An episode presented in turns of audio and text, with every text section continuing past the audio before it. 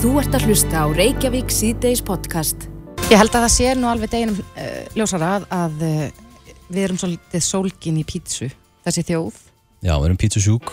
Já, kannski ekkert öll, ég ætla ekki að alhæfa, en, en ég, ef ég hugsa um sjálfa mig, þá einhvern tíman var sagt að, að uh, maður er það sem maður borðar, þá væri ég pítsa. Já, ég held að það sé bara þannig. einmitt. uh, Þá við- er það bara fínt, eða ekki? Jú, jú, Þú veist, það er að vera margt verra ef þú borðar eitthvað. Uh, örglega. Ís, ís. Ís, nammi. Ég var líklega hafragrötur. Vá, hvað þú ert spennandi bræði. En uh, já, við þekkjum öll megaviku, tilbóðsviku Dominos. Við höfum þekkt hana lengi. Uh, Það bárst fréttir af því í dag að, að uh, nú hefur verðið hækkað, pítsan kostaði lengi vel 1590 krón, ég man eftir því hún kostaði 1000 kall. Já, þú ert svo gömul maður. Já, ég veit það. En, En svo núna- hækkaði hún í já. 1690 og er núna komin í 1790 krónur. Ég ætla að stinga þess að, en að mannstu þegar hambúrgarinn á McDonalds var bara 99 krónur? Þegar McDonalds var hérna. Uh, Ekkert sérstaklega, nei. Nei, mannst þú að breyði? Ég ráma nú eitthvað í það. Bræði ætti nú að munda. Síðasta rödd McDonalds á Íslandi. Maður fekk sér á stjórnumtorki stundum, Já. 99 kall. Já. Allavega, þetta var bara innskott. Einskott, en aftur að Dominos, hann er sestur hérna hjá okkur, Magnús Hafleðarsson, forstjóri Dominos, kom til sæl. Komum sæl. Já, eh, þú getur tekið undir það að við erum svolítið pizza óð þjóð. Já, mikil ósköp. Og við erum bara glöð með það, eða ekki? Jú, þið hljótið að við frekar klöðum með Já, það. En, en eh, Magnús, hvað veldur þessum verðhækunum? Já, sko, megagan þetta hefur verið, sko, þetta er hartnar 30 ár sem þetta tilbúið er í gangi. Byrjaði sem 1000 krónur, eins og þriðast tilbúið meðal hans. Og hefur svona frá aldamótum verið að fikra sig upp á við. Og ef það hefði fyllt verðþróun, þá væri það í kringum 3000 krónur í dag. uh, við vorum að hækka vissulega 1790 og það hefur hækkað sístu tvö ár kannski meira heldur við höfum uh, átt að venjast og meira heldur við höfum vilja líka en það er bara afskaplega einföld ástæð fyrir því og eins og held ég að velflöstur almenningar hefur fundið fyrir þá bara er verðlag almennt að hækka og við förum ekki varhluta því og við bara fengið, má segja bara aldrei síðan við líka hækkanir á til að mynda innköpum Já, þannig að það er að skila sér beint út í verðlagi núna. Já, við erum búin að sitja á okkur uh, núna í talsvöna tíma en því miður við heldum hérna upp af árs þegar við sáum að, að svona áallanir um breytingar á, á innköpsverði og slíku það voru svona ákveðin teikna á, á lofti uh, þegar við sáum að þær áallanir voru farin út um glugga núna hvað séu svona fyrsta fjórangi ásins að þá heldum við okkur og vonast til þess að það myndi ganga tilbaka en því miður þá er bara ekkit útitt fyrir það að svo verði Nei. þannig að það var ekki, okkur var bara ekki til setuna bóðið og bara einfallega verðum að aðlega verð Ég heyrði rætti í hátegisfréttum fyrir einhverju síðan varðandi það að nú væri framleiðendur á allskils matvælum sko jafnvel byrja svona aðeins að blekka neytendur með því að setja aðeins minna í pókana eða Mhm. þá var nú að tala um í, í Íslandi í dag að gera bjórætni væri orðni minni og svona, Mhm. stendur það eitthvað til að, að ég reynilega minka pítsurnar? Nei, Nei? það stendur ekki til og við gerum það aldrei, hvorki á, á tilbústöðum í öðrum, þannig að nei, það stendur ekki til Nei, en uh, já, Magnús þegar við rættum saman í dag, ég er mjög forvitin að vita eins um sko hversu hversu pizza sjúk við erum.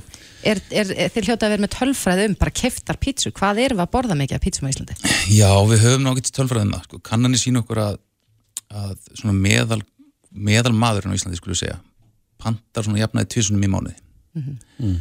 Og við þetta erum stór aðal á markanum en þetta eru margir fleiri og margir mjög góðir með okkur. Eh, þannig að eflust er þetta að uppregna þetta ekkert á þjóðina við erum að selja svona um það bil 2,5 miljón písna á ári sem fyrirtæki Já, það eru cirka 280 á klukkustund, eitthvað svoleiðis. Og hvert er hlutvallið þykkbotna, þunnbotna? Það er cirka 70-30, þykbótna vil. Í Já. alvörunni? Já, já. eru flestir ennþá þar? Já, það er ennþá bara flestir í þessari klassísku. Sem Ok. að- sem En að getur það verið kannski út að núna er auðvitað komið alls konar frambúð af alls konar pítsum, þunnbotna, þykkbotna, Pönnu. með flestar samt svona kannski, já svona, svona napól, hvað heitir þetta svona, Svona, svona Já, sem kannski ekki flestar, en það eru fleiri núna heldur en áður, já, vissulega, Já. og margar mjög góðar. Já. Þannig að fólk kemur kannski til ykkar til þess að fá klassikina. Ég veit það ekki, það er eflust bara, ég held sé bara smeksaðriði, þú veist, sem eru bara fastir í því sem þeir þekkja og vilja bara fara í það. Við erum held ég oft daldið vanasum, en svona vanaföst segi, Já, og hérna, hann er bara þannig. akkurat. En af hverju, af hverju byrjaði þessi megavika? Þetta var ná uppalega sem sko einsás ammæli félagsins Já, eh, 94 og hér Já. svo áfram árlega og síðan hefur þetta svona stækkað og, og orðið tíðar, við erum þetta svona jafnaði 34 sem á ári í dag En- ekki oftar Vá, mér Nei, finnst ekki það ofta. sé oft, oft Já, þetta er svo skrítið, fólk, sumir sem að tala við heldur þetta sé einu svona í mánu og aðri einu svona ári Já, já. þannig að það er svona vantilega bara, maður upplýðir ekki alveg auðlýsingandar svona eins og raunveruleikin oft Þetta er ekkert eitthvað, hérna, "Ah, nú eigum við allt og mikið að degi maður, nú þarf að henda þér út. Nei, við erum nú ekki að framlega deg svona eitthvað handhófskent þetta við, við erum nú nokkuð, við nú nokkuð við hvað er framöndan og gerum ágætt áallanir sko. Já, já. og þrátt fyrir alltaf hérna og þrátt fyrir að pítsan hafi ónefndilega hækkað aðeins sem er auðvitað leðilegt því okkur, okkur, það er aldrei gaman að hækka verð að þá er þetta ennþá þrátt fyrir allt með svona hagstæðri tilbúum sem er á markanum það er leituna betra tilbúði mm -hmm. einst, einst ekki pítsa er matur fyrir tvo í okkar tilviki og það er hvað 800, tefnilega 900 krónur. Þannig að hérna 800 krónur á mann cirka þannig að það er já, 700, 800 krónur. Nei, það er nú ekki langt síðan við töluðum síðast við þig og þá var það akkurat út af uh, þegar að, sko þriðudagstilbóðið Já. ykkar hækkaði í verði. Mhm. þannig að uh, eigum að búast við meiri hækkunum þriðustilbúð er ekki verið að hækka neitt. Nei, það er hérna, það vekti mikla aðtilið þegar það var. En uh, við erum bara að skoða það, eru hérna, þetta eru svona hvað maður segja áður óséðar aðstæður veginn á markaði bæði innanlands og, og alþjóðlega. Og við erum að bæði að vesla við byrgi hérna heima og úti. Og það bara reynist mjög erfitt að, að festa verð til dæmis, til dæmis sko úti í Evrópu, bara til dæmis á umbóðum og slíku, það er einungi sami til þryggja mánuði senn í dag. Og verðin eru svolítið bara, þú veist þetta er bara einhver tekur í verðunum sem er í bóði eða, eða þú fari ekki vöruna Já, já. og það er ekki bara byrtast í okkur, það er byrtast bara held ég þvert og alla vestlunum þjónustu er þetta sama upp á tennunum. Hérna innanlands eru við líka svo hækkanir uh, í innkaupum og svo hann verið gríðarlega mikla launahækkanir á þessu ári. já Heldur að, að kjærasamningar í haustminni spila þar inn í? Já, það er náttúrulega búin að vera sko tvær hækkanir á launum í okkar tilvíki þessu ári, einn fyrsta, fyrsta janúar og svo önnur fyrsta apríl í, sem var þessi svo kallega hagvastrauki og þetta er í okkar tilvíki ríflega 10% hækkun í króntölu og það munur að minna og ég held að mörg félög svona í okkar bransa sem er að byggja starfsemni sína á segja, kvöld og helgum mikið til að þau sé að finna verulega eh, mikið fyrir þessum hækkunum. Og ég held að þetta hljóta að koma til umræði í næstu kjærasamningum hvernig hægt er aðeins að stilla þessu í hóf og kannski stilla þessu þannig að þetta svona eh, virkir hinnlega því ég held að hérna, margir séu bara í verulegum vandræði með að láta hlutinu ganga upp. Áðan talar hans um áallanir þegar Benni var, að svona vísaði það að það ætti of mikið að degi er, er þetta rosalega sveiflukent? Við vitum til dæmis að, að veist, ég hef farið inn á Dominos þegar að, að það er kannski Eurovision eða eitthvað og þá er bara algjörlega bandbrjála að gera. Já, eru mikla sveiflur í þessu? já, já, það er það alveg. Föstu dagar dagar og þriðu dagar eru í dag sko pizzadagar þjóðarinnar og hérna það er langsamlega mest að gera hjá okkur. Og svo er þessi stóri eventar. Það er, það er vissulega Eurovision, það er hérna til dæmis eru stóri leikir í, fótbolta, úslita leikir í Champions League eða World Cup eða eitthvað slíku. Og svona aðrir álíka viðburðir. Og ekki síst að vera sjómas, tengdi sjónvarpi að þá, þá verður mikið ála okkur. En, en sáu þið ákveðna sveiflur í tengstu við sko COVID, lokanir og annað? Það var breyting á neyslu hegðun landans, það var fólk auðvitað kannski vildi ekki vera í markmenni og, og oft eh, þegar mestar gerir okkur að mynda svona ákveðin, eh, ákveðin markmenni inn í okkur búðum. Og þannig að þá var greinilega að fólk færði sig meira í heimsenda vöru mm. sem var hendað okkur mörguliti ágætlega, við erum því að, senda heim og við erum með góð kerfi til að stefa við það. Og svo þróun held sér alveg fram til hvað við segja svona mars á þessu ári. Þegar það fór svona vora og, og fólk voru að hætta að hugsa um COVID alla daga að þá fór þetta að færast aftur í eðlert horf og það er að sama við um heyrt til dæmis með netverslum fyrir í hérna til ekki matruveslana það var mikil, mikil vöxtur en hefur svona einhver leiti gengið tilbaka að minnst okkur á jafnvegi vextin og það er bara svipa hjá okkur, þetta voru svona okkur COVID áhrif og eru svona mestu leiti gengið tilbaka í dag. En þú sagðir að þriðudagar og föstudagar væri svona stærstu dagarnir við, Mhm. eins og vorum að tala um þriðudags tilbúð Va, voru þriðudagar áður miklir pizzadagar. Áður en að þriðudags tilbúð var sett á Nei, bara alls ekki Nei, og, Og- kannski ástæðan fyrir að það var Já, sett á já þess vegna tilbúið að setja á sko á sín tíma Já, já. Já, Þannig að, nei, nei, bara alls ekki. En það er alveg merkilega, merkilega mikið breyting og, og fyrir vikið er ekki bara pítsur í dag á þriðutast tilbúða heldur eiginlega bara allt mögulegt sem er þetta bara frábært fyrir neytundur. Já, já. akkurat Já, við skulum vona að uh, já, verðhækkanir verð ekki úr hófi fram á næstunni. vonum það. Vonum það. Magnús Hafleðarsson, forstjóri Dóminus. Gæra þakkir fyrir komuna. Bestu þakkir. Þú ert að hlusta á Reykjavík C-Days podcast. Reykjavík síðdeis með ykkur á bylginni. Já, það var þó nokkrir sagt svona svipaðan brandara í dag, hef ég sést. Spjáturungar á internetinu. Nú, uh, brandarnum það sko, hvers vegna það var bara einn umsækjandi fyrir starf, sótt sóttvartanlæknis þar sem Ok. að við erum nú öll sjálfskeipaðir sóttvartanlæknar, það voru náttúrulega fjölmargir haft miklar skoðanir á sóttvartamálum síðastlegin tvö ár þá voru, já var hægt að fara bara hvert sem er og þá voru flestir með einhvern veginn lausnina á heimsfaldrinum Já, Bara í kollinum á sér? Einmitt, einmitt en Guðrún Aspelund, hún mun taka við af Þórólfi sem sóttvartanlæknir núna í haust og hún er sest hjá okkur Guðrún, kom til sæl Sæl. Já, Já. þetta er, Já, segir maður ekki bara til hamingju Jú, takk. Hvernig líðið þið með þetta? Mér er bara vel. Já. Ég hlakka til. Já. En þetta eru, þetta eru svona, já, má segja, stór spór að fylla. Þetta eru þetta búin að vera mjög sérstakt umhverfi sóttvartanleikni síðastlinn já, rúm tvö ár síðan að kórnum verið faraldurinn byrjaði. Von, vonastu eftir að það verða eins rólegra að gera hjá þér? Já, ég ætla ekki að segja annað. Og það verður líka gott fyrir alla held ég á landið eða verður hans róleira í því sem við höfum verið að fást við síðustu tvö ár. Þetta var náttúrulega óvænilegu tími um, og ekki eitthvað sem að maður heldur að verði viðvarandi eins og þetta var þá. En maður má alveg búast við einhverjum uppákomum og við verðum að vera tilbúin í það. Já. Við eh, höfum þetta heyrt af apabólu upp á, upp á síkastu og svo hefur verið talað um berkla og ímislegt. Er eitthvað að breytast í heiminum eða, eða erum við bara meira meðvitu um það sem er að berast á milli manna? Einmitt, það er kannski bæði, ég held að það sem er að breytast í heiminum er er meiri fólksflutningar heldur en hefur sannlega verið nokkuð tíman. Að fólk er bæði mikið á ferðalögum og það er mikið flutningur á fólki á milli landa og á milli heimsluta og, og hérna, ég held að það muni bara aukast og hlínun jarðar og flottamenn og annað mun ekki draga úr því. Síðan erum við kannski meira meðvitari, það er náttúrulega alltaf að batna tækni og rannsóknaraðferðir og slíkt. Og, og það hefur verið líka með, aukin meðvitund um skimun fyrir eins og sjúkdómum. Þannig að það kemur örgulega líka til Akkurat.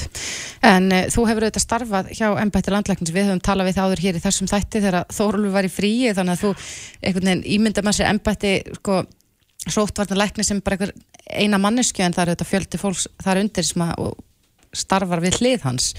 Uh, hvernig hefur þetta verið síðastlegin tvö ára að, að standa í þessum heimsfaldri? Já, vissulega sóttvarnalæknir er ekki einn og ég er nú þakklátt fyrir það og mun hafa gott heimi með mér en sóttvarnasviði sem slíkt er ekki mjög fjölmynd um, þannig að við erum átt eða nýju svona eftir hvort allir eru á staðnum. En síðustu tvö ár eins og ég sagði var náttúrulega óvinnlegu tíma og þá fengum við þetta mikið liðsöka uh, bæði frá almannavörnum og eins frá embætti landlæknis þar að segja fyrir utan okkar svið, sóttvarnasviðs. Það sem við fengum bæði fólk uh, annarkvort bara alveg kom alveg til okkar eða hluta þannig að það, það var svolítið óvinnlegt og nú erum við komin meira svona í bara venjulega starfsemi síðan svona í april þannig að, þannig að það er þá erum við fann að líka fást við þetta þau verkefni sem við höfum bara svolítið lagt uh, á hilluna sko meðan COVID var og var bara ekki tími til að vinna Hver eru svona helstu verkefnum? Þetta nú sér maður bara fyrir sér sóttvartanleikni sem Þórólf sem er á upplýsingafundum daglega í sjónvarpinu og í viðtölum allan daginn. Hvert er svona helsta starf sóttvartanleiknis? Já, sóttvarnalæknir hefur náttúrulega umsjón og er yfir sóttvarnasviði og hlutverk okkar er, eru nokkur og það er náttúrulega ábyrjandi er í rauninni svona vöktun og, og skimun fyrir smittsjúdómum og svo reyndar svona í mjög annari svona heilsuvá, það får maður segja mm -hmm. því það kemur líka inn á borð sóttvarnalæknis ef það er ógn við heilsu fólks vegna til dæmis gíslavirkni og eitröfnum en þetta er náttúrulega aðalega smittsjúdómar og það er þá þessi vöktun og þá höfum við líka ymsar skildur að tilkynna hluti til um, allþjóðastofnana sérstaklega Evrópu. Og þannig að við þurfum að sinna því og vera þá vakandi líka ef við hvað er að gerast og er eitthvað í aðsíði hérna. Það, til þessi er þessi vöktun. Uh, síðan eru náttúrulega áhættumat fyrir ymsum sjúkdómum og, og þá að, að gera áætlanir hvernig þetta bregðast við ef eitthvað kemur upp á. Og síðan eru þá aðgerðnar hvað við gerum ef eitthvað kemur upp á. Uh, og, og þetta eru svona helstu viðfangsefnin og, og þessi samskipti líka við alþjóðstofnarnir er alltaf að verða meira og meiri. Þannig að og, meiri, og, og við erum þá að fundum með þeim og taka þátt í verkefnum og, og slíkt. Mm -hmm. Þurftur að hugsa þig mikið um eða áður hún sóttur um Ég hugsaði mig alveg um Já. það var ekki svona, eitthvað sem, þetta er ekki eitthvað sem ég hafa búin að ákveða fyrirfram eða, Þú varst ekkit eitthvað 16 ára, herru, ég ætla að vera sóttarnalæknir. nei, ég er enda náttúrulega, ég er læknir og, en, en fjagst við aðra hluti í langan tíma en uh, fór síðan að vinna hjá sóttarlækni og það hefur bara verið mjög áhugavert og, og hérna, gefandi. En það var ekki stefna mín frá byrjun þar að, að taka við að Þóróli og ég var ekkit að hugsa um það. En, en það var hann alveg fíl eldur og hefur staðsið þetta greiðlega vel. En þegar hann tilkynnt að hann ætlaði að hætta núna, þá hugsaði ég bara málið vel og vandlega og ákvað síðan að slá til. En þú, þú ert læknir og þú segir að þú varst að fást við aðra hluti áður. Hvað var það sem varst að fást við áður en þú fórst yfir til embætti landlæknis? Já, ég er sem sagt skurlæknir og lærði þá fyrst almenna skurlækningar, svo kallað, og síðan sérhæði mig í, í hérna, almennum batnaskurlækningum, þannig að, og vann þá við það. Þannig að námið var, já, hvað ég, svona tíu ár og svo vann ég í tíu ár, hérna, rúmlega uh, við batnaskurlækningar og var þannig að í bandaríkjónum aðalega, tvö ár í Kanada. En þegar ég flutti heima þá hef ég verið að vinna í fullstarfi hjá Sóttalækni. Þórólfur er líka barnalæknir í Hann er barnalæknir, já. Barna, Já, og smíðsjóttámalæknir. Já. Þannig að úr börnunum í, í, í já, þe- þetta starf, það verðist þér leiðin. það er kannski. Við erum líka með hennar Kamilu Jósdóttir sem Já. er einni, eins og Þórólur, barnalæknir og smíðsjóttámalæknir. Akkurat. En verða einhverjar, einhverjar breytingar heldur þegar þú tekur við starfinni í, í haust? Nei, ég hef ekki vonað á einhverjum miklum breytingum og ekki, alls ekki eitthvað strax. Ég hérna muni auðvitað að setja mitt mark á þetta og hugsa hvernig ég vil uh, gera hlutina en uh, það verða yngar stökkbreytingar og, og ég held ég taki bara við góðu búi frá Þórólfi og hérna mér er þótt hann góð fyrirmynd og eh, Haraldur Brím var náttúrulega undan honum. Að samaskapi og, og hérna þannig að ég sé ekkit ástæði til að vera að breyta eitthvað breytingana vegna en, en, en ég muni þetta uh, ef mér finnst ástæði til þá bara kemur, gerir ég það. Einhvern tíma spurði ég Þórólu hérna út í það hvernig, já, hann eyðir svona einhverju kvöldstund þegar hann er að gera vel við sig. Ég man í hvort að hann er að, hann er að víðir sem borður rosalega mikið að súkulæður úr sínum. Og ég, man, ég held ég líka að Þórólu að tala um að hann drekki kaffi á kvöldin. Já. Eh, Hvernig er svona fullkomið kvöld hjá þér eða ætlar að gera vel við? Full, já, mér finnst hérna mjög gaman að fara á sinfríu tónleikana Já. mér finnst það mjög svona afslapandi og, og skemmtilegt og, og það líka tekur ekki allt kvöldi þannig að maður getur haft líka tíma heima á sér sem ég Já. bara og hérna en svo finnst mér líka gaman að hitta bara góða vini og, og hérna borða góðan mat og, og spjalla nei, ég nefnilega er ekki öflug í því maður minn sér alveg eiginlega um það á Já. okkur heimili Já. og hann er bara mjög góður í því Eitthvað eitthva nammi sem þú velskar? já, reyndar er ég bara mjög hrifin af súklaðu sem Sko ég vona að það hafi verið Þórólur eða annarkar Þórólur er við þig. Já, þeir, þeir renna, svol- runnu svolítið saman í á tímabili. en ég borður ekki mikið get ekki sagt það Nei. Nei, ok. Enda í vinnu hjá embætti landlæknis sem að mælunum kannski ekkert endilega með því. nei, nákvæmlega En uh, kannski rétt aðeins í lokin uh, eru horfurnar ágætar núna uh, höfum við þetta sé aukningu í, í smitum og alvarlegum veikindum og, og apabóla og alls konar hvernig lítur á næstu mánuði? Já, einmitt, þetta eru nokkuð verkefni. Við erum náttúrulega ennþá að fylgjast mjög vel, vel með COVID og sérstaklega þessar innlagnir. Uh, það hefur náttúrulega orðið aukning á þeim og, og, og tökum það alvarlega og við erum að hvetja fólk til að fara í bólusetningu og sinna sóttvörnum og apabólan uh, er eitthvað sem við erum að vakta.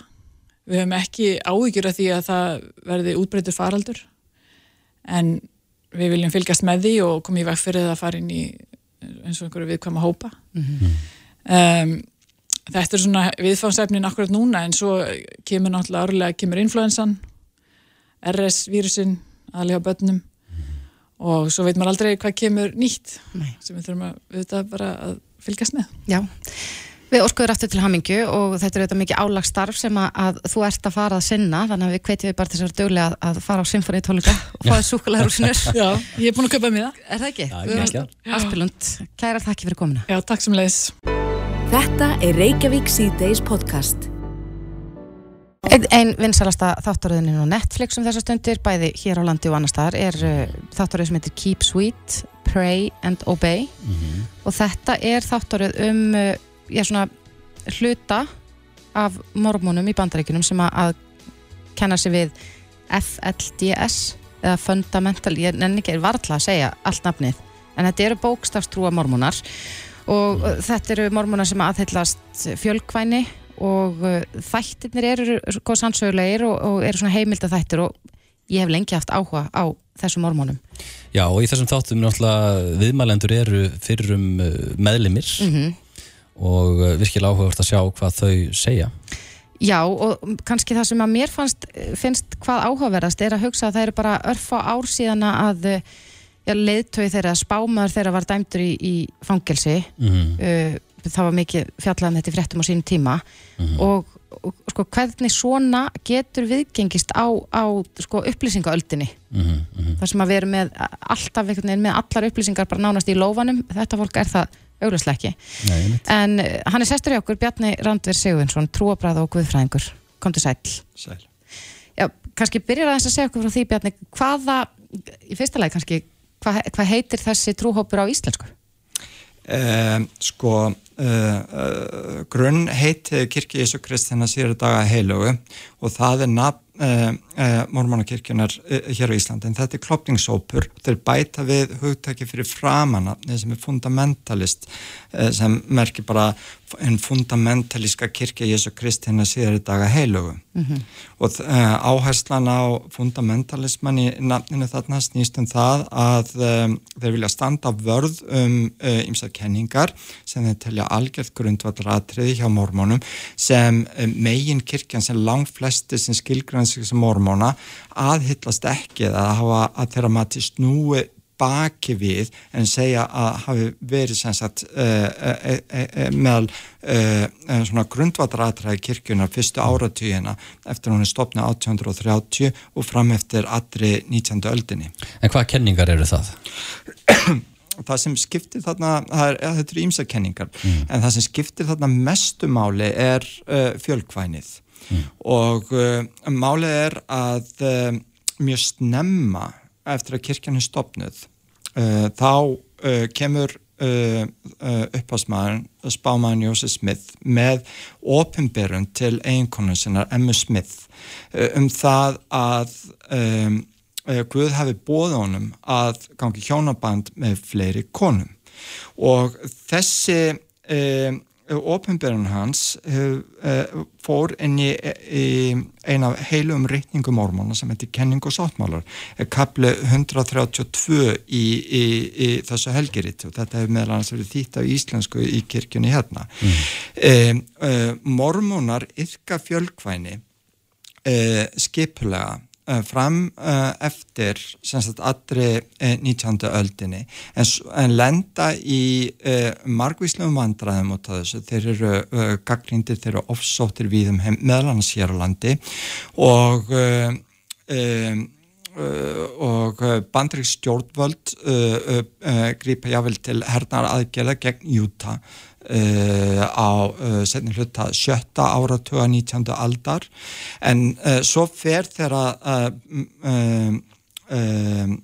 Júta sem er að stærstum hluta byggt mormónum sækist eftir því að verða ríki innan bandaríkjana og þannig að bandarík stjórnvöld sem ekki síður sækjast eftir því að Júta verði það, að þá eru mormónakirkjan uh, undir gríðanum þristingi frá bandarískum stjórnvöldum að uh, afleggja uh, fjölkvænið að, að, að, að banna það. Og svo fer að þá er endi spámaðu mormónakirkjuna Vilford Woodruff fær ofinberun árið 1890 um það að það sé grundvallar atriði innan kirkjunar að, að fylgja landslögum. Og það sem landslög heimila ekki fjölkvænu heimila bara einkvæni að þá verði mormón að setja sig við það snúa baki við fjölkvæni og, og, og, og til þess að árétta vægi þessara uh, ofinberunar sem er svo komin beint frá Guði þá var hann sett inn í heilu reyning reyningu þeirra, kenning og sáttmála. Mm. En þetta allir miklu fjadrafólki meðal mormóna því að það voru ymsir sem töldu þetta að vera algjört grundvatarættur og þetta hefur líka trúalega þýðingu mm. um, um handanveruleikan í, í gamlu kenninguna eins og var tólkuð. Þannig að um, þá eru ymsi sem hérna, neituðu að fylgja þessu og svo fór að þegar að ég held að, að eh, einn af postulum uh, uh, kirkjunar uh, allavega að þing, bandaríkja þing 1904 að uh, þá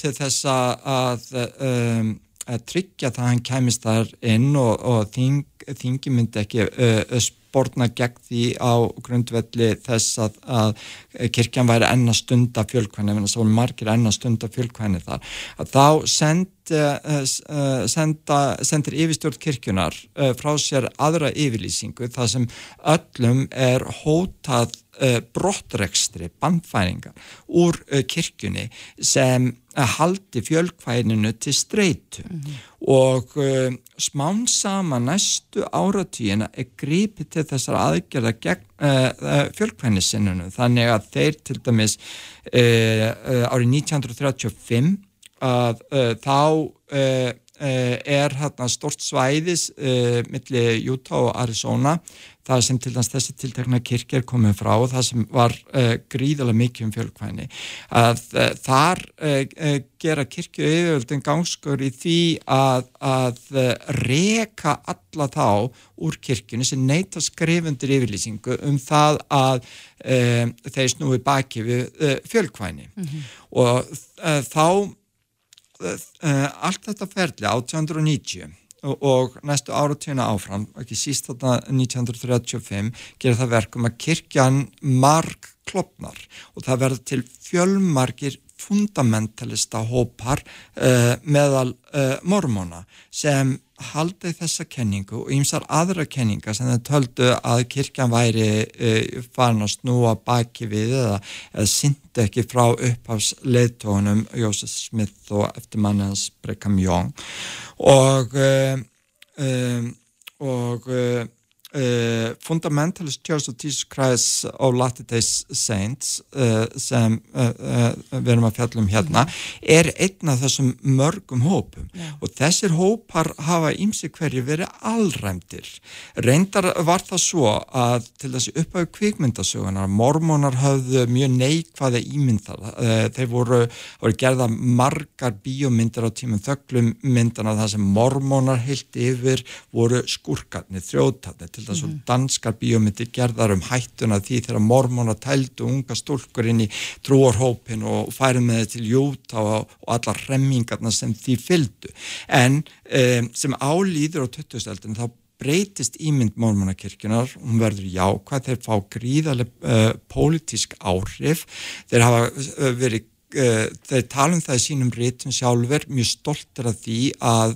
uh, engir engin trúarhópur hafi hlutfastlega jafn marga liðsmenn bandarísku leinithjónustu CIA eða FBI ja. og það er ástæðinir meðlan að þú bara næst að þeir eru þykja trössinsverðir ja. rábyrgir. Þeir hafa orðið ráðherrar eins og Estrataft Benson, hann var uh, spámaður kirkjunar núna uh, fyrir aldamót, hann var uh, landbúnaðar á þeirra bandaríkina til Eisenhowers mm -hmm. og til dæs Matt Romney sem var í frambjóðandi republikana í, í, í kostningunum á, á fórsettarkostningunum móti hana, Obama, hann var til dæmis mormóna, hátsettu mormónaættum, þannig að mormónar hafa tölvert vægi í, í bandarísku samfélag er búin að hafa lengi og jákvæða ímynd. En, en þessi fundamentalista hópa, þeir hafa hins vegar neikvæða ímynd og það er til hellingar bíómyndin sem eru gerðað síðari árum Já. það sem þeir eru skurkað Charles Bronson er eldast við hættilega fjölkvæni sinna sem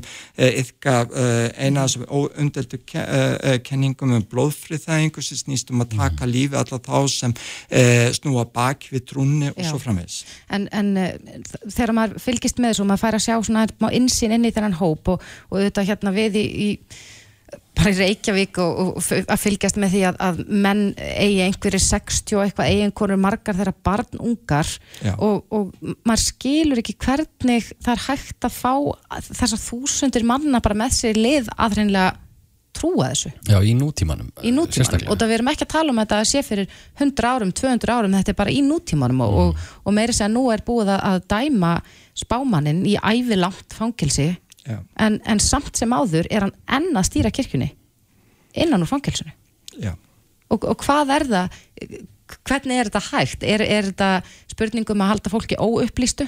Halda þeim um, útaf fyrir sig til þess að þau fá ekki upplýsingar frá umheiminum? Sko í þessu tilfelli um, um, erum að ræða séttrórhóp sem er verulega einangrað frá umheiminum. Sko stóra mormonakirkjan sem er starfandi í Hjörlandi leggur mik miklu áherslu á trúbóð og uh, hluti þeirra sem ganga til lísviðana, það er að segja einhvað hátt í 17 miljónar heimsvísi um, uh, uh, mormonar í dag það eru, eru sem sagt fólk sem hefur komist til trúar innan þessara kirkju og séðan afkomundu þeirra sem eru fyrir mm. innan uh, kirkjunar en í þessum li, litlu fundamentalista hópum, það er reyndur ekki að reyna hversu, hversu fjölmennið þeir eru en það er talið Samkvæmt mínu upplýsingum á bilinu 6 til 10.000 Já, því ég hef heyrt tölur allt upp í 60.000 ef allir þessir eru taldi með. Já, já. en uh, þá er uh, ef allir eru taldi með um, þá um, uh, rokkar þetta einhvers staðar á bilinu 20.000 til 60.000 stundum í fræðibókum við tala um 40.000 í þessu sambandi. En hérna, þessi tiltekna kirkja hins vegar sem við erum að tala um þar er talað um uh, svona um, á bilinu 4.000 til 10.000 eitthvað svoleiðis innan hennar. Þetta er bara hluti af fundamentalista uh, reyfingu mormóna. En þessir uh, fundamentalísku hópar leggja ekki svo mikil, mikla áherslu á trúbóð það er ekki svo margir utanakomandi að ganga uh, til liðs við þá. Um, uh, vöxtu þeirra snýst um bannignir. Akkurat, og, Og- maður sá það allavega í þessari þáttaröð og, og að, að, að, það eru já, menn sem eiga kannski margar konur og hver og ein er að eignast bara já, fjölmörg börn, eitthvað sem við varla þekkjum hér á landi. Já, þannig að uh, sami maður getur á tíu barna Já, og uh, hérna uh, og þetta fólk er meir og minna uh, einangra frá umheiminum búið að vera alla sína æfi og þetta er búið að vera svona alveg frá upphafi uh, þessa klopningshóps þegar hann tek, tekur að myndast á, á fyrirhluta 20. aldarinnar og um, uh, og um, hvernig er þetta að stýra fólki í þessa átt að vera svona já, frá umheimnum? Uh, félagslegt taumhaldi er umtalsvert. Uh, öll félagstengslinn inn, innan trúarhópsins þú þekkir engan fyrir utan. Uh, þú í rauninni ert ekki í sambandi við umheiminn. Það eina sem þú veist er það sem gerist innan nýlendunar sem þeir hafa komið sér á, á fót. Þannig að allir búa á sama stað. Mynda kommunu og, uh, Og það er ekki þaðan.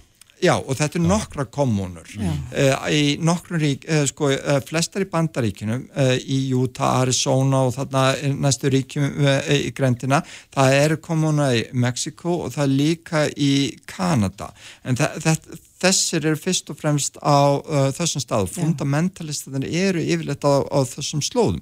Pluss það að þessi tiltekna kirkja sem við erum að tala um, hún hefur klopnað nokkru sinnum og það er ekkit allir sem um, um, um, eiga rætur að reykja til hennar sem viðurkenna uh, uh, uh, hérna, spámannin umdelda sem sinn spámann. Nei. Ég heyri, hvað Bjarni, að þú veist mikið um, um þetta og ert með hérna ritin með þér sem er náttúrulega frábært og ég hlakka til að fá að glugga eins í bækurnar. En við komumst í miður ekki lengra sinni. Bjarni Randver Sigurvinsson, trúabræða og guðfræðingur. Kærar þakki fyrir komuna. Takk sem leðis Þetta er Reykjavík C-Days podcast.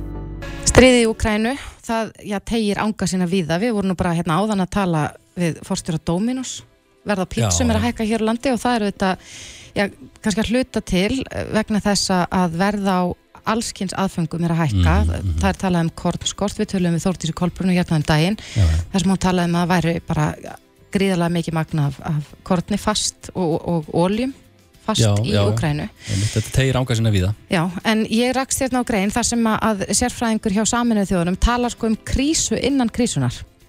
Þarna er, er eh, verið að vara við því að það sé gríðarlega mikil aukning á mannsali.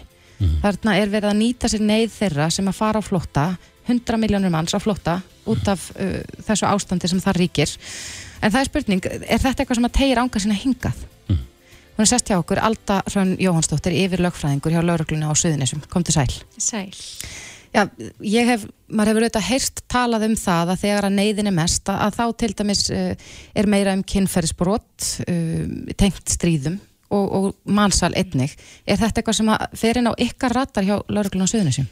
E, já, alveg klálega. E, það er auðvitað fyrsti vettvangur almennt fólk sem kemur inn í landi til dæmis frá Úgrænu er að koma í gegnum keflækuflöðl. Mm -hmm. e, þá er mjög mikilvægt hvernig við tökum á móti fólkinu vegna þess að það er fyrirfram í mjög viðkvæmri stöðu og eins bara hvað verður um fólki þannig að við reynum svona að hafa já, vita og, og búa til allar ferla þannig að þau komi vel inn í kerfið og, og kerfi geti svona gripið utanum þau og veitum þau þá þjónustu sem þau þurfa eins líka að því að þú talar um mannsal að þeim sé gefnar upplýsingar um hvað ber að varast e, hvað það kann að vera vegna þess að oft er það fólk sem kemur líka auðvitað að það veit ekki endilega hvað mannsal er mm -hmm. að því að við tölum um mannsal en hvað er það raunverulega þannig að hver eru enginnin og svo framvegs þannig að fólk getur líka varast vegna þess að það er, er fullt að glæpahópum og, og fólk, glæpahópa nýta sér þá neyð sem er í gangi hverju sinni mm -hmm. og allt í því skinni að, í fjárháslegum ávinningi Og þetta er þá bara hluti af skipulari glæpas starfsemi?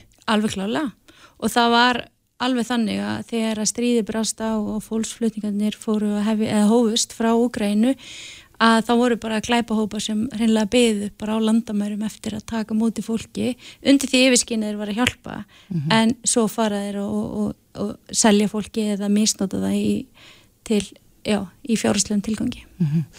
Hver eru helstu enginni? Svona bara út af því að nú hefur maður oft heilt talað um mannsal í fréttum og, mm. og mann er líður eins og þetta sé óbúslega fjárrimanni en svo hafa þetta komið slík mál hér á landi bara fyrir almenning að vita hvernig getur maður komið auga á mannsal, er ég, það hægt yfir höfuð? Já, það eru þetta, sérst, það eru í svona verknaðurinn að flytja hýsa eða ef það ekkur er að flytja upp milli staða, mannsal þarf ekki að eiga sér staði við landamæri, þannig að það getur átt sér stað innan lands líka, það er að flytja eða hýsa eða verða sér út um einstakling. Í því skifst og beitir ykkur aðferð að misnota til dæmis aðstöðu og það er klálega að vera að misnota þá aðstöðu þessa fólk sem er í mjög viðkomri stöðu og, og þekki lítið um Ísland og vissi kannski jafnveg lítið um það fyrirfram og svo í, í, í ákveðnum hagnýtíkafórsundum, það er annarkvært í kynfyrsluðum tilgangi, nauðingavinnu eða í glæpastarsum eða annars líkt. Mm -hmm. uh, þannig að það er þetta þrengt uh, og hvernig við getum búið kennsla og það er ef að fólk er að vinna til dæmis eða að vera misnótað í vinnu, vinnu óeðla langan tíma, uh,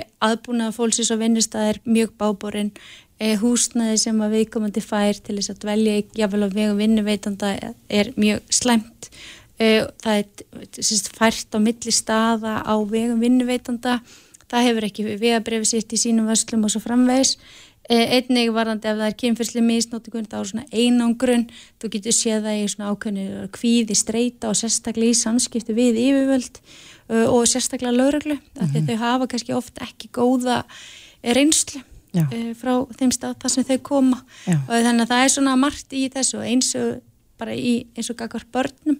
Að því að Europol sagði það að því þú talar um svona krísu innan krísunar að Europol sagði sko 2017 að það veri 10.000 börn tínd úr flóttamannabúðum.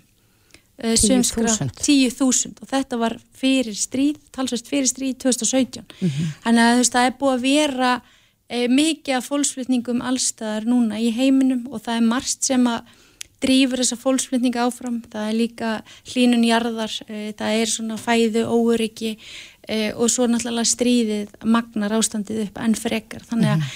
það er margt að varast og, og líka ef við höfum einhvern grunn að þá bara allir ringi 112 og ráðfæri sér við lauruglu fyrst og síðast og, og þú er hægt að sjá enginin inn á til dæmis lauruglan.is og það er undir fræðslu og forvarnarverkefni og þar er hægt að svona tjekka í bóks á, á enginum ef það er eitthvað sem að fólk ber kennsla á mm -hmm. en fyrst og síðast er það tilkynum en ef við erum ekki að bera kennsla á þessi mál þá auðvitað höldum við að það sé ekkert mannsal. Nei, en, en nú er þetta eins og, eins og við hefum oft heyrst í tengslu við stríði Ukrænu og þá er þetta helst börn og konur mm -hmm. sem er á flotta.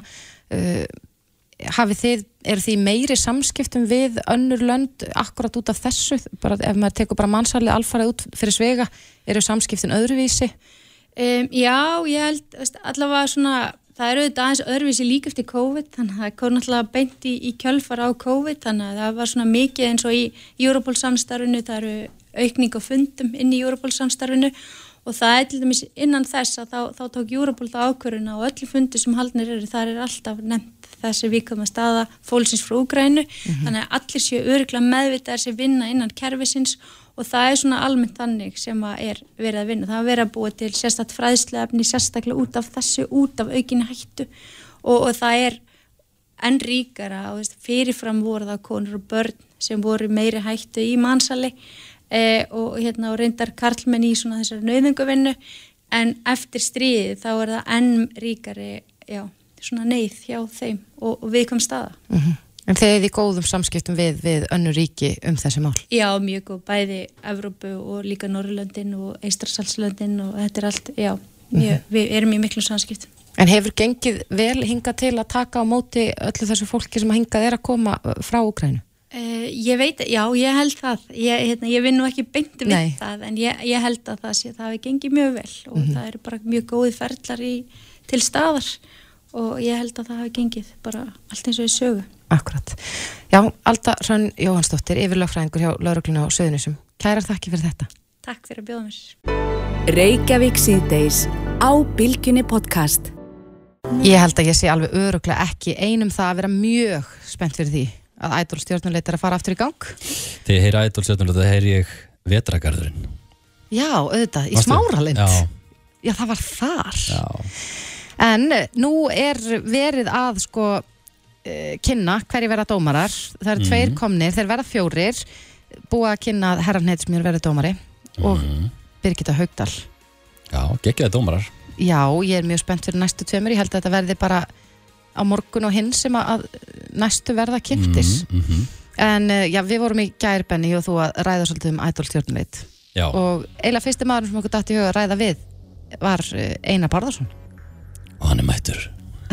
Þetta er rosalegt stefn Ah, sæll Einar. þetta er sem sagt stefið þegar verið að tilkynna sigur, er það ekki? Já, ég Já. fekk alveg svona smá gæsa húð. Ég var pínu stressuð. Þetta var alltaf, þetta var, stef, þetta var upp að stefið og svo, er þetta, svo er þetta, var þetta þegar á- var að vera að fara eftir, eftir að, sérst, þegar verið að vera að býja eftir niðurstöðum frá dómaranum Mhm. þá kom svona einhver útgáfa þessu stefi líka En, en þú tókst þátt í þessu æfintýri. Núna eru næstum því 20 ár síðan sko fyrsta serja. Rólegur gífer Nei, er það, er, ég, ég þurfti að googla. Jú, sko. jú, jú, það er Það er að vera komin 20 ár síðan. Já, það, Er ekki komin tíma á nýja serju? algjörlega fyrir löngu og það er svolítið gaman að hvað þessi formut í raun og veru hafa uh, einhvern veginn náða endur nýja sig og halda takti uh, úti og, og eiga bara erindi uh, alltaf finnst mér. Ég held eins og er náttúrulega markaðurinn okkar er náttúrulega aðeins minni. Og þetta er einhver 1 eða 2-0 aftan á svona starðamennin á mill okkar á Ameríku en, en, en þannig að það er kannski alveg eðlert að það sé kannski ekki hægt að halda svona út hvert einasta ár. En ég held að sé sannlega uppsöfnuð uppsafnaður uppsöfnuð þörf í dag, klárlega. Ég held að svona síðasta svölunin í þessu, skulum segja hafi verið Voice uh, í sjónvarp Símans. Tvær serjur og það er samt langt síðan að þær voru. Já, En er ekki alltaf markaður fyrir svona jú, jú, þetta er bara þetta er náttúrulega bara, bara frábært afþreyingar og skemmtihefni og að því að við erum nú að koma út úr svona skrýtnu tímabili sem, við, sem að, að þetta er ekki bara þetta, þú veist, þetta snýst náttúrulega aksjónin og stemmingin og núna eins og við erum að tala um hverju verða kynnar og hverju verða, hverju verða dómarar og veist, og hverju er að fara að keppa og, og, já, þetta er hún hérna Þetta er hún hérna í sjálandsskólanum, hún hérna, dóttir hans hérna Jóhans. Hefur ekki séð hana, hún söng á ásóttíðin hjá okkur. En hérna, en hitt er svo annar mála, það er, þú veist, og þess vegna tekum maður hattin ofan fyrir, fyrir, fyrir stötu að fara á staði í þetta, því það er sko, alls ekki svona 120, 140 fag einstaklingar í hljóði, ljósmynd, markasefni, ljósmyndarar skilur sem að allir eru núna á flegi ferð að- undirbúa hennar þátt. Þannig þetta er, þetta er, þetta er á risa verkefni sko bara í, í þessum yðnaði. Skemmti, skemmtana yðnaðinum. Einmitt, uh, þú uh, varst þarna í hvað, sísoni þrjú eða hvað? Já, ég og Páll Óskar komum inn og, og það var smá breyting í domnendinni í Ædol uh, stjórnuleit þrjú, þá komum við Páll Óskar inn í staðin fyrir Þorvald Bjarnar sem að, sem að hérna, steg frá. Við vorum í þeirri serju uh, eitt sísón sem var mjög líflegt og skemmtilegt. Þannig að Þannig að maður spyr sér bara í dag akkur maður sé ekki sko, maður, hvernig maður komst lífsaf með, með Bubba Mortens hægra megin og, og, og Pál Óskar vinstra megin. Maður skulle bara vera alveg í lægi eins og ég heldustu held, sigga beintens í hendur og, og liðum þetta af, enga síður. En síðan, síðan tók uh, stöðtöð smá hérna uppi og, og tók upp nýtt format eh, árið eftir og við fórum í X-Factor seríuna og þá voru ég og Páll Óskar og hérna Ellie í Q4U það var mikið, hérna, það var mikið hagsjón. En ég hugsa þegar það er að rifja upp Já. einmitt þetta ædol stjórnuleit uh, uh, þetta fjadrafólk í kring, kringum innan þátt. Já, maður einhvern veginn færi þetta ekki í dag í einhverju svona, nema kannski Eurovision, ég veit það ekki. Jú, já, ég, en, en það er líka bara að því þetta er svo þetta er bara svo, ég held sko, ég held þetta, þetta er bara svo þetta er svona skemmtun sem bara höfðar til svo stórs hóps. Þú veist, þetta er alveg fyrir alla fjölskylduna þannilega séð og það er svona langt síðan að kannski sjónvarsefni það er svona einn og einn þáttur á, á áratug sem, saminar alla, alla, alla, alla svona saman á einum degi á sama tíma í, í, og það hefur og það náði þessi þátt, serið svo sannlega að gera. Fast er aldrei leiðilegt að vera ég hvað, gaggrýna fólk? Nei, ég reyndi bara að vera mjög sangjarn í því sko. ég, hérna, ég var nú svona einhverju velta að vera hvort ég ætti að vera þessi eða hinn og bara eins og núna þegar við erum að kynna herra netsmjörtulegs og þá hann að vera Simon Cowell eða hann vondur eða góður eitthvað svona. Menn þurfa sko til þess að þetta virki og þetta sé svona skemmtilegt sjóðsefni og þar, þar fólk náttúrulega bara fyrst og að vera sangjarn sjálfur sér og, og hérna ég reyndi að vera það með það markmið að vera ekki meðandi en, en, en algjörlega samt að var alveg skýrt hvað ég var að meina. En, en, en um leið sko maður var ekki að því að, því að það er náttúrulega ma maður er náttúrulega með höndunum fólk sem að er ekki allt tilbúið að, að, að horfast í augu við eigi getu. Og, og sjálfsögur náttúrulega bara mist þroska, þú veist, þetta er, þú veist 16, 17, 18 ára einstaklingar jafnvel sko, þú veist. Meni, ég er 50, ég er ekki alltaf tilbúin að heyra utan á bæði, þú veist, hvað fólki finnst um mig. En hérna, Nei. þú veist, þannig að þá venst það í nú svo kannski sem betur fyrir enginn. En hérna, en ég held að það skiptir máli að vera bara sangað með sjálfum sér í þessu og, og hérna, ég manna ég setti þetta alltaf og hef alltaf gert í öllum svona domnendastóru sem ég er burtið frá þessu og svo hef maður alltaf verið endalist í svona alls konar söngakefnum og, og hinum á þessum domnendum í gegnum tíðina maður ég er bara alltaf reynd að meta þetta þannig, veist, burtið frá því hvort mér finnst þetta sætt eða sniðut eða eitthvað svona, ég er bara alltaf að hugsa mér, ok, væri ég til að eyða mínum tíma eða mínum resursum eða peningum í að koma þessum áfram, mm skiljið, þá er það allt rosalega einfalt, þá, þá einfaldast myndið mjög mikið. En nú er búið að kynna tvo Birgdu já. Haugdal og, og Herra Netsmjör. Líst þið vel á þessa tvo? Já, mér finnst sko reyndar sko herra netsmjöráningin er algjörlega stórkostleg og hérna því að hann uh, er svona einstaklingur og, og bara svona fagmaður sem að bara hann er algjörlega fólkskvalaus í því sem hann gerir og hérna ég man ég sagði, ég hef nú sagt það við hann sjálfur sko þegar ég hitt hann í fyrsta skipti svona einhverju viti og áttum eitthvað samtala þess að ég held að væri algjör hálfviti. En, en, en þú algjörlega sko bara með því að fylgjast með honum í tvö ári eitthvað svona þá bara hugsa þetta er, þetta er algjör snillingur. Mm -hmm. Birgitu hef ég náttúrulega síðan bara þekkt í sko rúmlega 25 ár og við erum náttúrulega mjög góða vinnir ég, ég laka til að sjá ég, er svona, ég laka til að sjá hana takast á við þetta því að hún er blíð og góð kona. Virkilega. og það var Sigga Bendis líka en, en hún, þú veist, hún hefur náttúrulega, hún er, hún mun hafa mjög mikið af mjög leiðbennand og góðum hérna punktum fyrir þá sem er að keppa en hérna, ég laka mjög til að sjá hana að því að hún á alveg til, þú veist þú ert ekki 20 ári í bransanum og ert Birgitta Haugdal á þess að hafa látið sjástæðans í Víktorundur öru kóru sko, því að það fann alltaf stundum í í öllu þessu hérna fæðravildis ringegju sem að þessi skemmtana þeirra hann er, þá þarf maður stundum að þess að sína íkomandi býr og það hérna ég, mun, ég er alveg vissum að, að þetta mun hérna hrista fram hérna hérna, hérna nefan í einu sinna tvisar og það verður bara mjög gáðan að fylgjast með því. Áttu þér einhvern uppáhald sigurvegara á Íslandi? Um, sko, Hildivölu uh, og, og Snorra það voru svona þeir krakkar sem, að ég, sem ég vann með í þessari seríu. Það er að segja áður en að ég gekk inn í domnendina 2005 eða 6 þarna í stjórnulegi 2 þá hafði stöðtvö ráðið mig að, að halda utanum sigurverðina úr, úr Idol stjórnulegi 2 Þannig ég kynntist Hildivölu mjög vel og vann með henni og mér þykir mjög vænt um hana og mjög gaman af því og mér þóttu líka mjög vænt um það sem ég gerði með, með, hérna, með Snorra. En svo, svo hérna þó að það sé ekki sama seria en, en, en í X-Factor þá, þá hérna þá fannst mér ég eiga svolítið meira í að því að svona aðeins öðruvísi sett upp og þá ertu svona svolítið í liði með þínum keppendum svona, það- en, en, en við getum sagt það svona bara þú veist að við erum, ég og Jekvann förum með þá saman að veiða og, og, Já. og við erum á sama veist, og eigum bara sama vinn á kunningjahóp þannig að, að það er svona vinskapur þannig að og, og, þú veist, þetta er svona alltaf sama sveiðahúsi skulum við Já. segja en hann er náttúrulega alveg einstakur einstakur, einstakur náungi Kannski rétt að lokum, eh, þú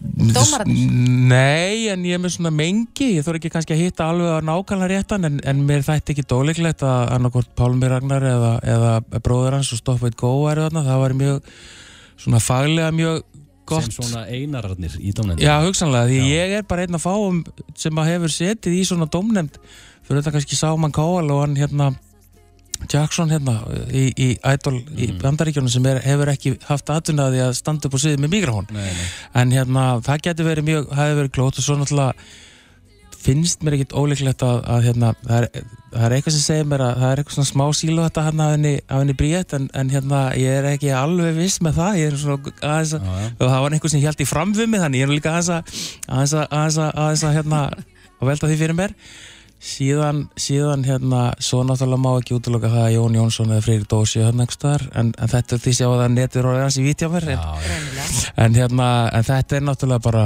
ég hérna en þetta er, þetta er bara gaman og tilökunar efni að serið hans ég að fara í gang því að eins og ég segi þetta er en, en fyrir þá sem að taka þátt segi ég þetta og, og, og hef alltaf sagt þetta er, þetta er frábær sjónasefni þetta er frábær skemmtun þetta er, þetta er frábær tækifæri til að vekja aðtegla á sér en þegar þú ert komin, sko, þó þú vinnir svona seríu, þá fyrst byrjar vinnan. Já.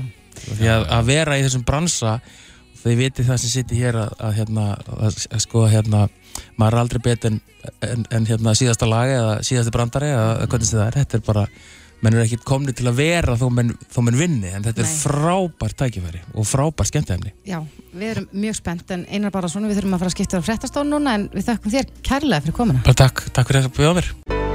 Hlustaðu hvena sem er á Reykjavík C-Days podcast. Uh, elskar þú kaninur? Uh, ég get ekki sagt ég elsk en mér þykir það mjög sætar ég var til dæmis bara í gæra uh, í, í öskulíðinni Já, mætti einni mjög sætri, Já. svört með hvíta loppu þær eru víða. já, Já, og þeir, þær fjölga sér svolítið eins og kaninur, jú, jú. það má segja það Já.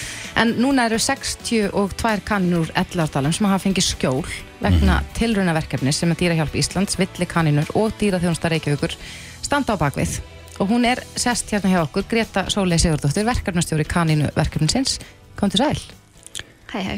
Um hvað snýst þetta verkefni í grunninn? Um, þetta snýst fyrst og fremst um að bæta lífsgæði þessara kanina Mm. sem að búa þannig nýri allavega því að þau eru reynd útsagt skelfileg þó að það sé kannski ekki það sem almenningur sér alveg yfirleitt. Hvernig, að að hvað leiti er þetta skelfilega raðstæð? Getur útskýrta Um, fyrir okkur? Það er mjög margt sem sagt, þær verða mjög reglulega bæði fyrir bílum og hjólum Mm. af því að það er bæði hjólastígur og, og náttúrulega umferðagata þannig fyrir ofan Mhm.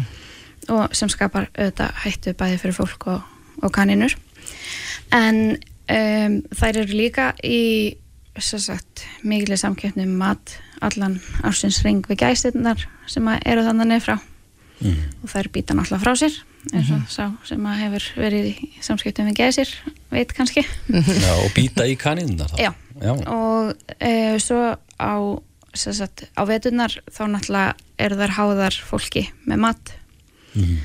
e, á sömurinn eru þær svo í hættu frá e, máfunum, hröfnunum og svo les að því að þeir náttúrulega bara er að finna æti fyrir sína unga. Og það verða oft á tíðum kaninunganir sem Já. verða fyrir valinu þar. Og hérna svo eru náttúrulega kettir sem eru þannig á svæðinu mikið. Og þetta er náttúrulega ný bara meðri íbúðabygg þar sem að Mhm. kettinni búa. Og já, það er bara ég geti haldið mjög lengi áfram. Já, já. það er mjög mikið En sem, hvað eru, er talið að sé margar kaninur í elleðdalum? Um, sko allega dálinn er náttúrulega tiltvölega stór en svo sagt og það eru náttúrulega fjölga sér núna þetta er Mhm. mikil tíminn um, við áætlum að séu kannski 100-150 sem verða þar í lók sumars Mhm. En þeir eru búin að, að já, fanga eða ná Já. 62 eh, kannski ekki fanga, það er kannski ekki rétt þetta orði við bjarga viljum að- þeim Já, sagt, þetta er náttúrulega fólk lítur misjaflega á þetta en við sem sagt, helst notum bara að við tökum þar inn Mhm. Þá erum við ekki, eh, svona rosa dipló Já, já, já. að hérna, já, við sem sagt erum búin að taka inn reyndar er það orðnar 63 Mhm. við náðum einni heimiliskanun inn Mhm. núna bara um helgina Mhm. þannig að það er alltaf að fjölgi hópnum svona hægt og róla En hvernig nær maður kaninunum? með mikill þólimæði Já, og æfingu að því maður labbaði á skilliðinni elli á dalnum og það, það hlaupa náttúrulega hratt Já, það hlaupa rætt. Þetta er, ég veit nú ekki alveg hvort ég á að senda út nei.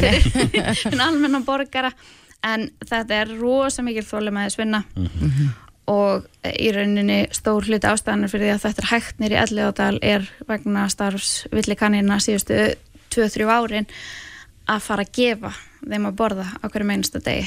Já, þannig Það að er- kanínurnar eru farnar að treysta. Það er þekkja, það er bara, keirir bílnum sko, bara, það er heyri í matapókanum og það verður þær mættar, að það er þekkja að að skilir það að það er við þetta þannig að það er stór hluti sem sagt ástæðanar fyrir að þetta er hægt nýri alladal eins og er. En þið eru að, að leita að heimilum ekki satt fyrir kanínurnar? Jú, við erum að leita bæði fóstur og framtíðara heimilum fyrir þessar kaninur Mhm. og hérna um, það svona gengur upp og ofan Já. En hvernig er að fá svona vilta kanínuna heimili? Er þetta eitthvað öðruvís heldur en að fara bara í, já, gældur að búð og kaupa eitt stykki? Nei, þetta er í rauninni ekkert ólíkt. Þetta, eru, þetta er sama kyn af kaninum og þær eru bara þegar þú, þær eru búin að átta sig á því að rauninni að þær eru örugar þá eru þetta bara mestu bara bestu skinn sko. Þær eru vilja flestar ef ekki allar að láta klappa sér Mhm. sem eru komnar inn uh, sumar ganga svo langt að heimta klapp. og sumar orðnar bara ansi frekar sko, á klapp og hérna og já, þannig að þær eru rosa þetta er bara, ég er bæði með kaninur sem koma sem sagt, af heimili og svo kaninur sem hafa fæðist úti. Já, ertu að meina þá, er fólk að sleppa kaninum Já, sínum? fólk sem sagt, Fer í búð og kaupir kaninu, nennir ekki að hugsa um hann lengur og, og, og skellir henni í elladalinn? já, því miður Af því að hann sé betur sett þar Já, að því að fólk sé, sér í rauninni ekki slæmu hliðanar Já. það sér bara frjálsu kaninundar svo hamingjusamar og, og frjálsar og gladar mm þess að fólk kannski átt að segja ekki á er að þessar kaninur lifa yfirleitt ekki lengur en sólaring úti. Já. og En það, sorglegt. já, það er nefnilega virkilega sorglegt og oftar en ekki þegar við finnum þær og ég segi, eins og ég segi, þú veist, það eru sjálfbálega frá villikaninum sem ganga dalinn daglega Já. og oftar en ekki þegar við finnum þær eru þær orðnarslasar að því að kaninu slást mjög mikið um yfiráðasvæði Mm. Þannig að það eru svona innbyrðis Já. átök Já, í hóknum. og það er, þau- þær eru mjög svona eins og ég segi territorial sko Mm. þannig að þegar þú setur inn nýja kaninu inn á svæði sem önnur kaninu er búin að eigna sér þá hendar það í slagsmálum og það er náttúrulega ekki spurning hver vinnur þann slag kanina sem fæðist úti og hefur þurft að slást fyrir mat Já, já. og svæði eða kaninan sem að hefur alltaf fengið allt upp í hendunar það er hérna og oft getur, er hægt að bjarga þessum kaninum Mm. við tókum til dæmis einn inn núna bara uh, hvað ætla sé komið mánuðu síðan og hann sem sagt var með stór og ljót sár sem að hann fekk yfir 20 hefti til þess að hefta saman hérna, sárin. En hvað, hérna, ég ætla að skjóta þenni, hvað, hérna, kanína sem er, já, ófrísk, Já. hvað er, getur hún eignast marga unga? sko það er mjög mikið eða þú veist það er mjög breytt bil Já, sem að þær geta eignast. Um, ég sem sagt það er ein, ég með sem sagt eina sem að varð unga full hún Mhm. endaði heima hjá mér og átti tíu stykki já, það Það er ekkert smá. og ég sé ekki fyrir mig að þetta passa allt inn Nei, dýr. þeir, fæða, þeir fæðast mjög litlir og, og ljótir Já. en Mhm. verða mjög fljótt, mjög sætir og stórir. Já, já, en hérna en í svona alla jafna er það ekki er það mjög stórt gott Mhm. tíu Já, stykki, en þær eru sko með tvö leg þannig að þær geta verið með tvö gott hérna. á sama tíma þetta er mjög, stórkostli dýr. já, Mm. Þannig að við, við erum að, hérna, mjög fylgjandi þegar fólk láti gelda dýrin sín, Já, sérstaklega kanninunar sínar því að þetta verður mjög fljótt á fjölgun Já. En Greta, hvernig kemur þú inn í þetta verkefni? Ö, Ertu með einhvern, einhvern bakgrunn í, í uh, dýra einhverju? um, Ég er sem sagt búin að vera sjálfbæli hjá dýrahjálp núna í uh, tæpa átta ár. Já. og uh, við sem sagt í rauninni kynntist uh, stelpunum, eða stelpunum, hundur nú allt konur en í sem sagt, ég kynntist í rauninni sjálfbælinum hjá villakaninum þegar það var haft samband við dýrahjálp út af kaninu sem var á vappi hafnafyrði síðasta sumar. Og ég bara held að þetta er ekkert með álið mitt bara já, fyrir bara og sækja hann bara veiðan. Já. það var ekki svo auðvelt. Þannig að ég hafði samband við villikanínur og þannig í rauninni kynntumst við. Og þær höfðu svo samband við mig til að aðtöfa með vergangskvætnar í Ellegadal og það var í fyrsta skipti sem ég gekk niður, niður í Ellegadal Já, Já, og ég sé þetta ekki frá nei. þetta er ekki, ekki eins lengt á hljómar. Nei, nei. en hérna uh, og ég átti bara rosalega erfitt með það. Því að ég sá bara hvað það er hvað þeim rauninni leið illa og sem sagt ákvað bara að stinga upp á því við bæði félagin hvort við getum ekki farið bara í samstarf og Já. bara reynda að gera eitthvað í þessu en, en fyrir fólk sem er að hlusta og er kannski búin að kaupa sér kaninu og, og vill ekki eiga hana lengur hvað á það að gera? Um, fyrst og fremst er náttúrulega að leita að nýju heimili Mhm. það er náttúrulega hægt að nota Facebook bland, það eru alls konar síður Mhm. um, það er svo hægt að hafa samband bæði við villikanninu og dýrhjálp Íslands ef svo heimilisleit gengur ekki og fólk er bara í bráðri neyð. Um, í versta falli ef að þú ert komin á þann stað að allar sleppin út þá ertu í rauninni ekki að gera dýrunni neitt ógreða með því að lóa því frekar. Já, en ég mæla alltaf frekar með ef að dýrið er heilbrygt bara fullfrýst og líður almennt vel að hafa þá frekar samband við þessi fjöleg já. En líka fyrir þá sem að vilja jafnvel fá kaninu í fóstur eða veita kaninu framtíðar heimili hvar uh, sækir maður um? Herðu, eh, inn á dýrahjálp.is þar er hægt að velja flipa það sem er undir sagt, kanínur Mhm. þar er bæði sagt, auglýsingar fyrir svona veist, almenna hópin þar sem ef fólk ef fólk er ekkit eitthvað svona rosa pikki eða þú veist, er, er, vill treysta okkur til þess að velja úr hópnum okkar. Þá getur sótt almenntum uh, svo er líka komin auglýsing fyrir ákveðin pör. Það er sem sagt fara helst í pörum. Já, já, uh, ekki nema það sé uh, kanina fyrir á heimilinu. Já. þá fara þær inn. Að því að kaninu eru félagsstýr og ættu alltaf að vera sagt flei, tvær eða fleiri Já. saman akkurat Já, Greta Sóli Sigurdóttir verkefnastjóri kaninu verkefnisins hjá dýrahjálp Kæra þakki fyrir komuna og gangi ykkur vel Takk hérlega Ætlaðu að fá þig kaninu Þortís? Ég, ég á hamstur og sníl og fiskmannstu þannig að ég held ég sé bara góð Reykjavík síðdeis á Bylgjunni podcast.